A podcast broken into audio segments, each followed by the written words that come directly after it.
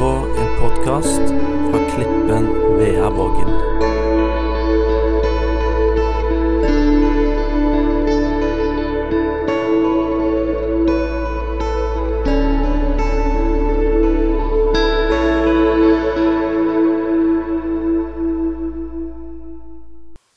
Godt nyttår til alle sammen. Og som ble sagt her Gud er trofast i dette året. Det er et nytt år, som vi sier, ubrukt. Men allikevel så vet vi at eh, nå er vi i vinter. Det kommer vår. Det kommer sommer. Det kommer høst. Og det kommer vinter igjen. Men midt oppi alt dette som vi vet, og vi vet om Guds trofasthet, så er det spennende for våre egne liv. Hva valg tar vi? Hvordan blir livet mitt i dette året? Når jeg ser tilbake på liv, så er jeg uendelig takknemlig. For Jesus har vært min styrke gjennom livet. Når vi sang her 'Å store Gud' Når vi kjører over fjellene i Argentina og ser de fargepraktene Du ser rødt, du ser blått, du ser gult, du ser hvitt, du ser grått. Du ser alle farger og fjellene. Så hver gang så synger jeg 'Å store Gud'. Til og med naturen er så fantastiske som Gud har skapt. Og så midt oppi alt det, så ser han til oss små mennesker. Og så er han interessert i hvert enkelt menneske sitt liv. Og så kjenner han vårt navn. Hæ? Det er vår Gud. Og når jeg har tenkt på dette møtet, så for julehelga så var det noe vers jeg leste i Matteus. Og det har stått for meg, og det har malt i meg. Og jeg har lyst til å dele dem med dere. Det er Matteus 13 og vers 44, 45 og 46. Det er Jesus som snakker med disiplene sine. Og så snakker han om himmelriket. Så sier han himmelriket er likt en skatt som var gjemt i en åker.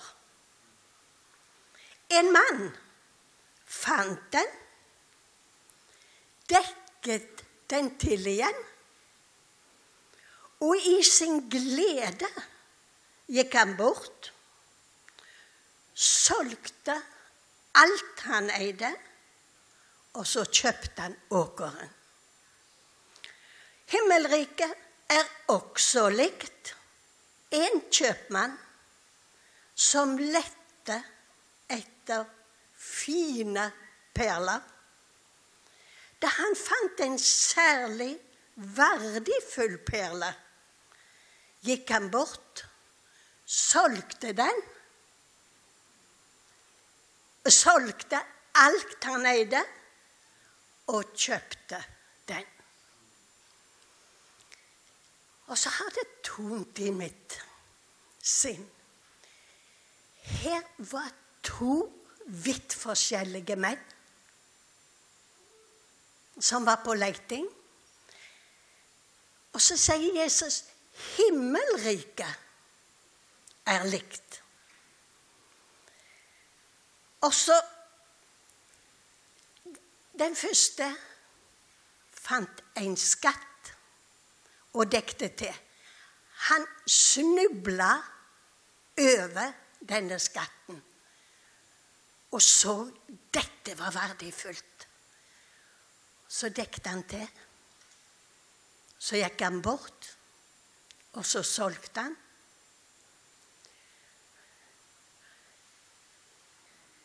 Hvor mye betalte han for skatten? Ingen verdens ting. Han kjøpte denne åkeren, men skatten den var mer verdt enn åkeren. Og den var nok å leve et godt liv.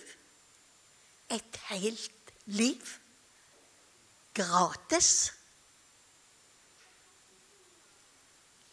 Åkeren kosta han ingen verdens ting. Ikke sant? For han fant en skatt. Men han andre, han var på leit. Og lette og lette etter noe verdifullt å leve for. Og så kom han plutselig over noe han så var veldig verdifullt. Og så sier han 'dette må jeg ha'. Han òg solgte, men og kjøpte. Men det var det samme med han. Han betalte ingenting for skatten. For den skatten var mer verd enn hele åkeren. Og han var mer verd så han kunne leve et liv med overflod. Og veit du, når Jesus fortalte denne, så sier han Hva, hva har du festa øynene på? Er det verdt å leve med Jesus? Er det verdt å investere livet ditt i Jesus? Tenk når du investerer livet ditt på Jesus, så har du en som velsigner deg, som hjelper deg, som gir deg råd med sitt øye. Hva står der? Et barn er oss født. En sønn er oss gitt. Herredømmet er på hans skulder. Og hva kalles han? Veldig Gud. Evig far. fredsførste Og rådgiver. Kan vi finne noe større perle? Noe større skatt? Igjennom livet? Hva har vi å holde fast på i denne usikre verden uten å holde fast i Jesus? Hæ? Er det det? Nei. Og du vet du hva? Når jeg har sett og opplevd de som har levd i elendighet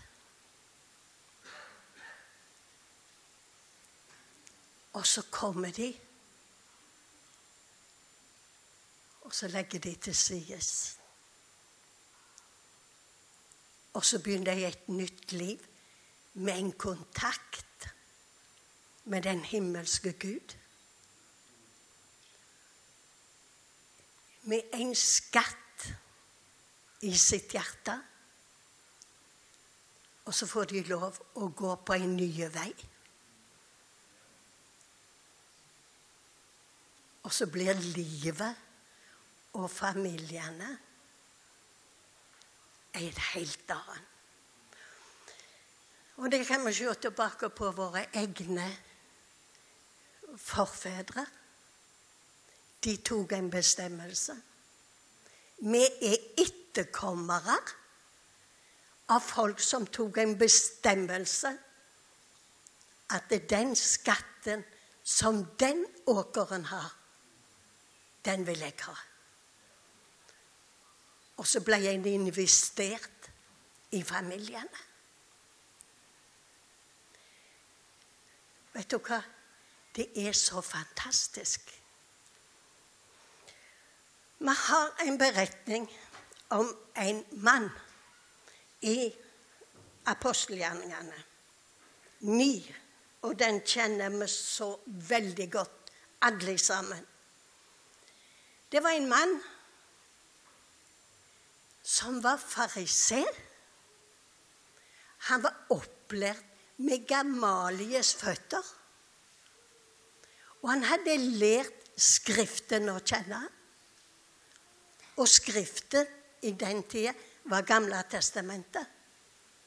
Han var opplært, og der kjente han Skriftene. Og han var streng både med seg sjøl og andre. Og så kommer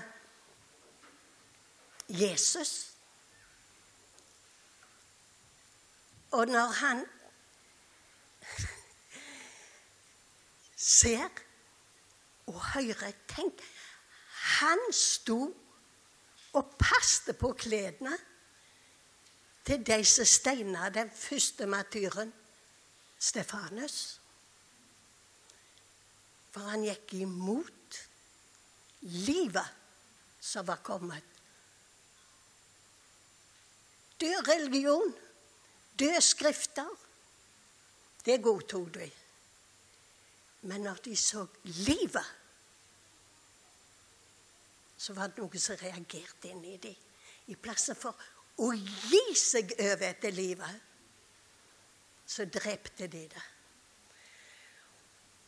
Så står det om, Stefan, om Saulus Han raste og fnyste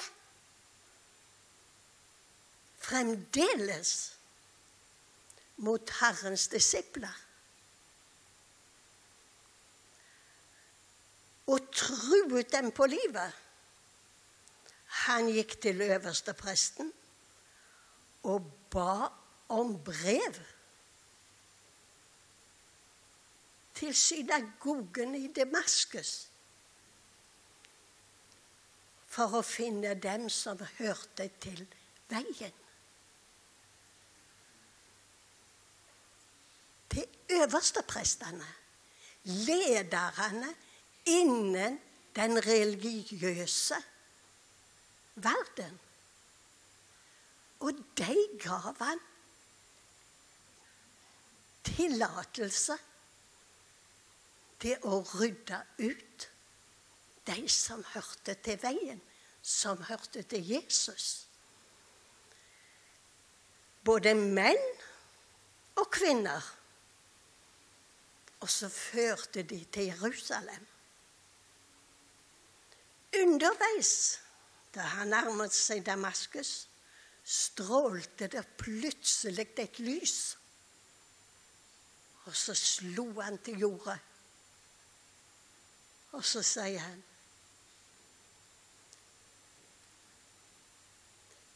Saul, Saul, hvorfor forfølger du meg?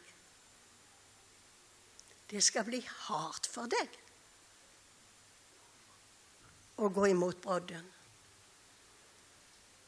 Så sier Saul, Herre, hvem er du? Så svarer han, jeg er Jesus, han som du forfølger. Jesus lever.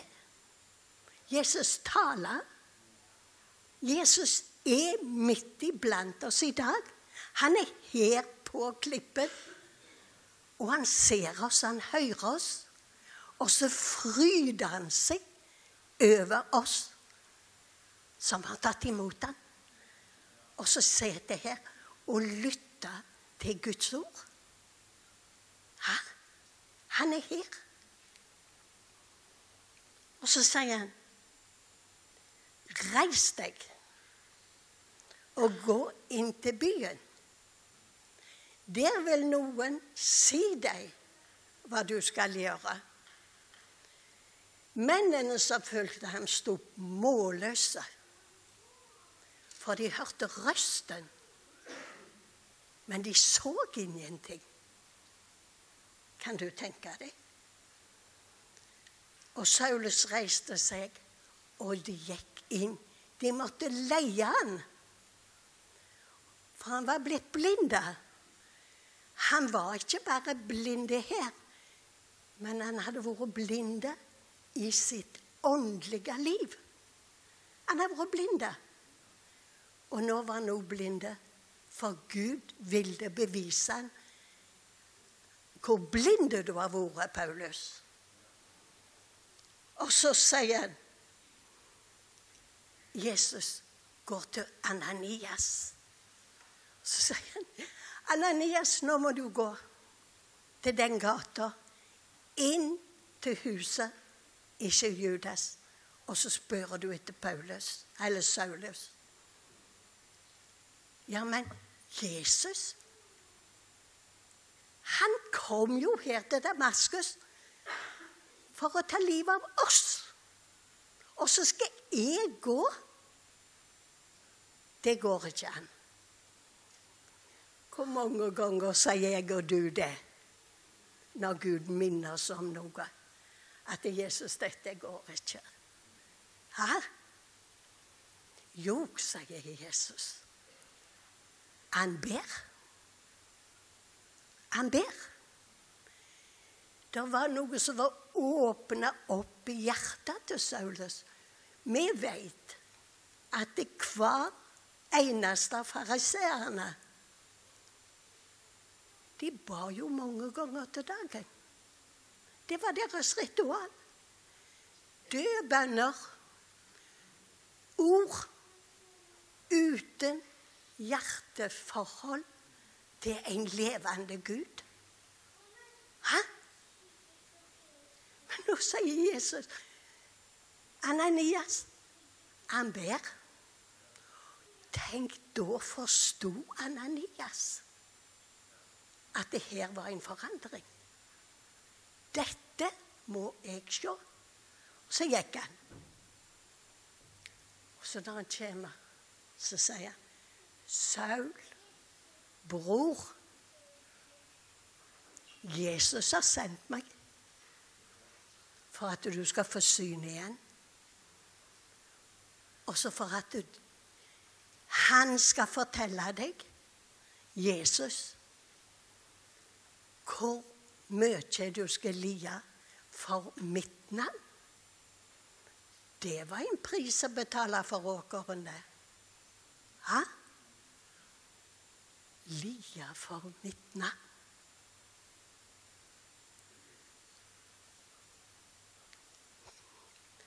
Så tar han Og så ber han for han.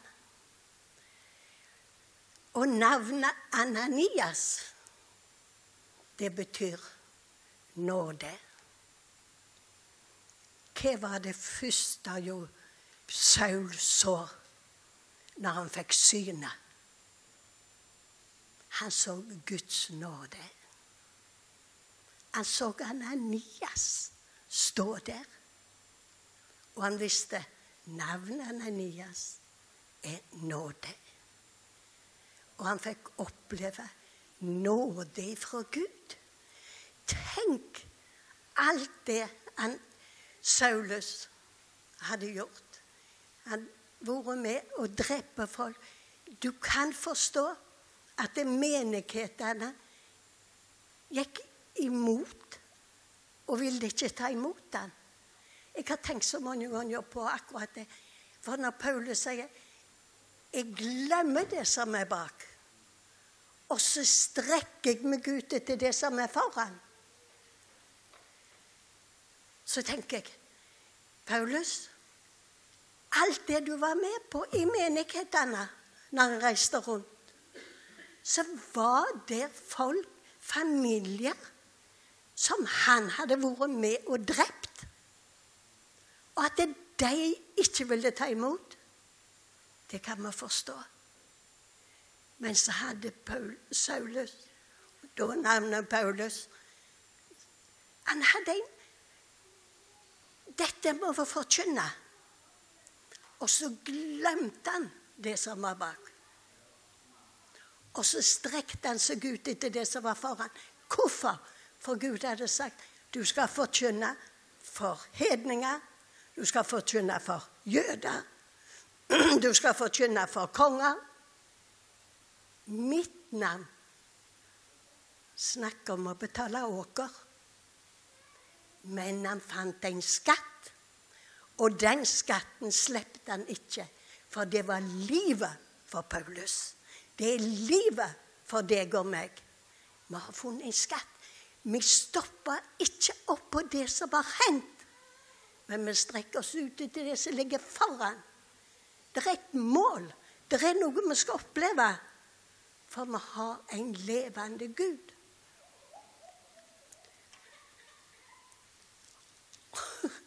Vet du hva? Når vi leser ned forbi her, så står det Vet du hva, han hadde verken ete eller noen ting, så han var svak. Så står det når han hadde fått syn igjen, så åt han. Så står det i vers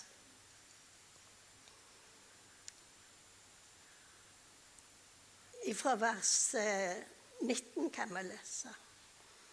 Så spiste han og fikk krefter.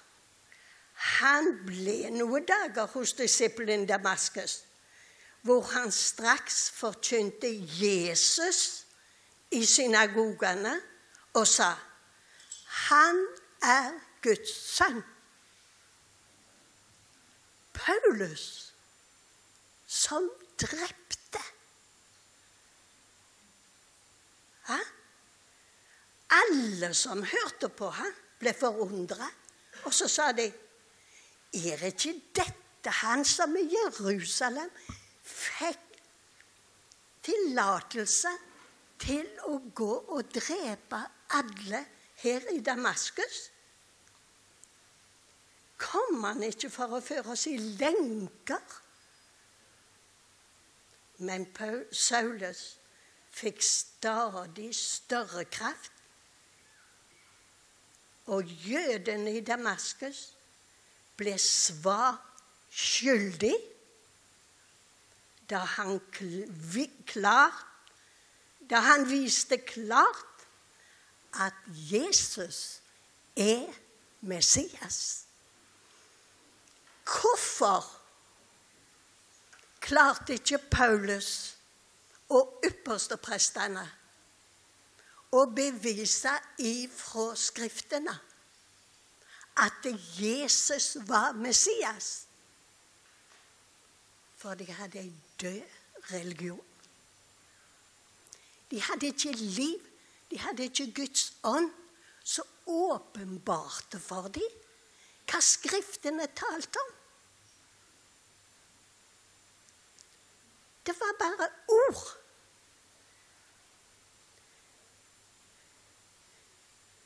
Når vismennene kom når Jesus var født så gikk de til Herodes. For de regner med Det var jo eh, Ja, at de regner med det var jødenes konge som var blitt født. En prins. En konge. Så sier de sier nei. Han visste ingenting. Men vi har fulgt stjerna hans fra østen og kom til til Jødeland. Så sier gikk Herodes til ypperste prestene og de skriftlærde. Og så sier han, hvor skal jødenes konge bli født? Jødenes konge, så gikk de til Skriftene. Han skal bli født i Betlehem. Åhå, i Betlehem. Så sier de det til vismennene. Så går vismennene til Betlehem. Og så ser de stjerner som det. Og så kommer englene og forkynner for hyrdene på marken. Men vi leser ikke at yppersteprestene og de skriftlærde gikk til Betlehem for å se om Jesus var født. Jesus skulle bli født i Betlehem, og så var det ikke mer. Men vismennene gikk. Hyrdene gikk. Og så fikk de oppleve og se at Jesus var født. Lammet han skulle bli født i en stall, for han var offerlammet. Han skulle ikke bli født i en, i en uh, i et palass. Han var et bilde på offerlammet som skulle slaktes for oss. Men det var ingen som gikk. Og slik var det òg her. Hvorfor gikk ikke Saul til Skriften og så var Jesus? Nei, livet skulle Men når han opplevde helbredelse i sitt indre, når han opplevde at livet kom inn, så overbeviste han jødene. Og de var målløse. For hele Skriften tilbake forteller at Jesus skulle bli født. Og vi har fått åpenbart. Vi har fått inn ifra vi var små, at Jesus er født. Jesus ble korsfestet. Jesus sto opp ifra de døde. Jesus lever. Og han er iblant oss i dag. Og ikke nok med det. Men hver enkelt av oss er han en personlig hjelper. En personlig hjelper. Han er din hjelper og din hjelper og min hjelper. Og det har vi fått forkynt ifra vi var små. Og det får vi lov å oppleve. Jesus lever. Hva sier Paulus i Filippenserne 3?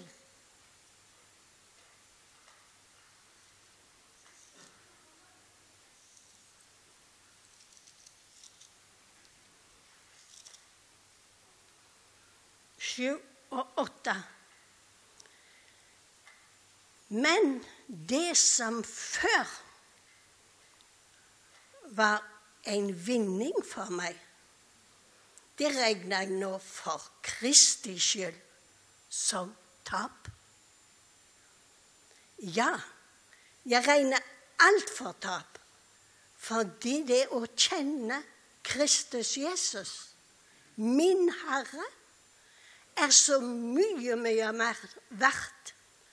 For Hans skyld har jeg tapt alt, og alt jeg har tapt, regnet jeg som verdiløs skrap. Bare jeg kan vinne Kristus og bli funnet i ham. Ikke med min egen rettferdighet, den som loven gir, men med den rettferdigheten jeg får ved troen på Kristus. Det er rettferdigheten fra Gud, bygd på tro. Da kjenner jeg ham og kraften av hans oppstandelse Paulus betalte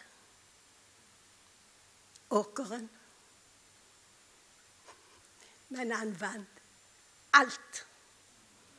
Han hadde ikke bruk for de pengene som ble betalt for åkeren. For han fikk så mye, mye, mye, mye mer igjen. Og det har både du og meg. Vi har fått igjen alt. Mye mer enn det som vi måtte gi slipp på. For det vi gir slipp på, det er ting som drar oss ned, ikke ting som løfter oss opp. Hæ?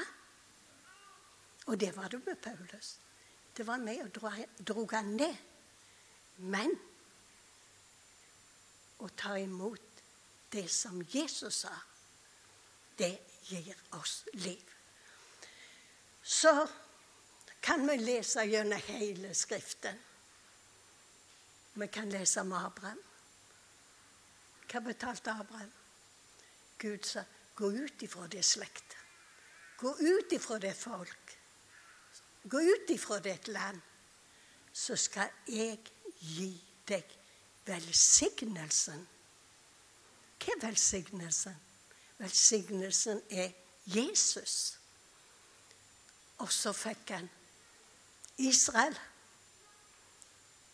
Fikk han landet. Og når vi tenker på eh, Esau og Jakob Esau forakta velsignelsen. Når jeg dør av svult Hva, hva gagner da meg førstefødselsretten? Hva gagner da meg velsignelsen? Han forakta han. Han eide jo alt, så han kunne bare tatt maten. Men Jakob tok imot velsignelsen. Og når han kjempet med engelen Vi kjenner jo historiene så godt, alltid sammen. Så står det 'Jeg slipper deg ikke før du velsigner meg'. For han sa han var ja, eh, Esau til sin far. Men nå sa han 'Jeg er Jakob'. Så velsigna han han der.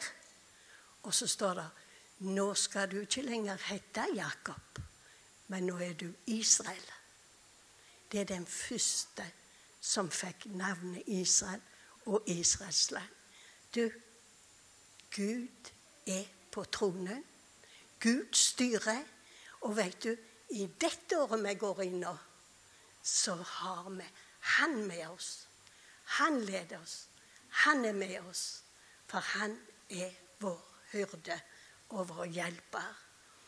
Det er mange ting som kan virke problematisk, for det har vi alle sammen. Men midt oppi det så kjenner vi det er truna på Han. Og det skal gå igjennom, for vi har sett den. Når at uh, og meg mistet det første underholdet i Argentina de første tre månedene. En som, han som stjal ifra oss. Så fikk vi et ord. Den forstandige tide i denne tid. Hva var det? Gud ville lære oss. Han er vår hjelper. Og han underholdt oss i tre måneder når vi kom hjem og fortalte Manjos det. Så sa han ja, men du måtte jo ringt. Så sier vi vi var flaue. Vi vågte ikke. men det var en lærdom. Det var en lærdom. Og så står det 'den forstandige tida'. Det er mange ting som kommer på i livet, som ikke skal brøle ut, men ti stilt men si det til Han. Amen. Gud velsigne oss alle sammen. Amen.